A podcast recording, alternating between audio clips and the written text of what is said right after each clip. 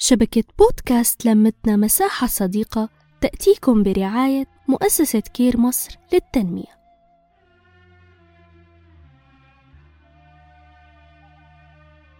ثمة يوم تالي بعد كل كارثة. أعمال الإنقاذ لسه مستمرة رغم تضاؤل فرص العثور على الناجين.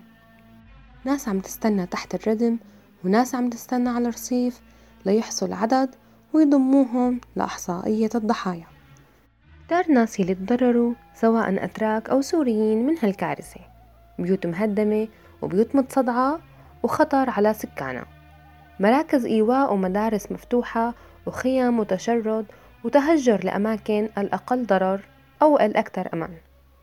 طبعا هالشي بينتج عنه سلبيات ومنها أمراض معدية مثل الكوليرا وأمراض جهاز تنفس. هذا غير الصدمة النفسية.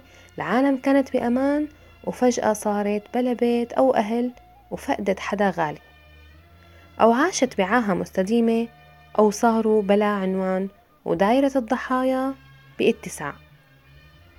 قلق مستمر وخوف ما زال موجود عند كتار وأخبار صحيحة والبعض شائعات وعلى قولت هاد مو شي قدامي اللي جاي.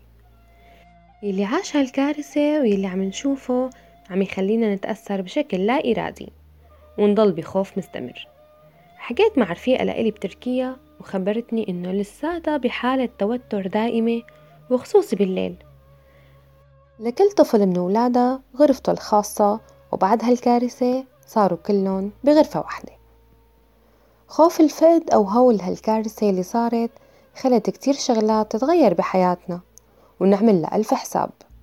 مشاهد وأخبار وصور لامست قلوبنا وما عم تروح من بالنا.